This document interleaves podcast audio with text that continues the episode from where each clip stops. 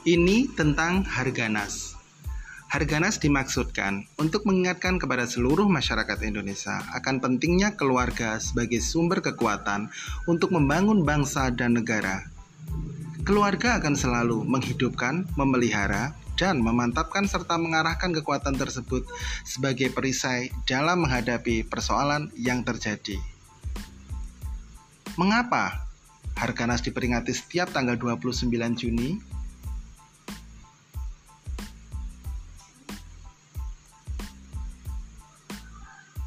Karena pada tanggal 29 Juni, Tentara Republik Indonesia yang bergerilya dalam perjuangan melawan penjajah masuk ke Yogyakarta dan kembali ke keluarga masing-masing. Selain itu, tanggal 29 Juni tahun 1970 menjadi puncak kristalisasi semangat perjuangan keluarga berencana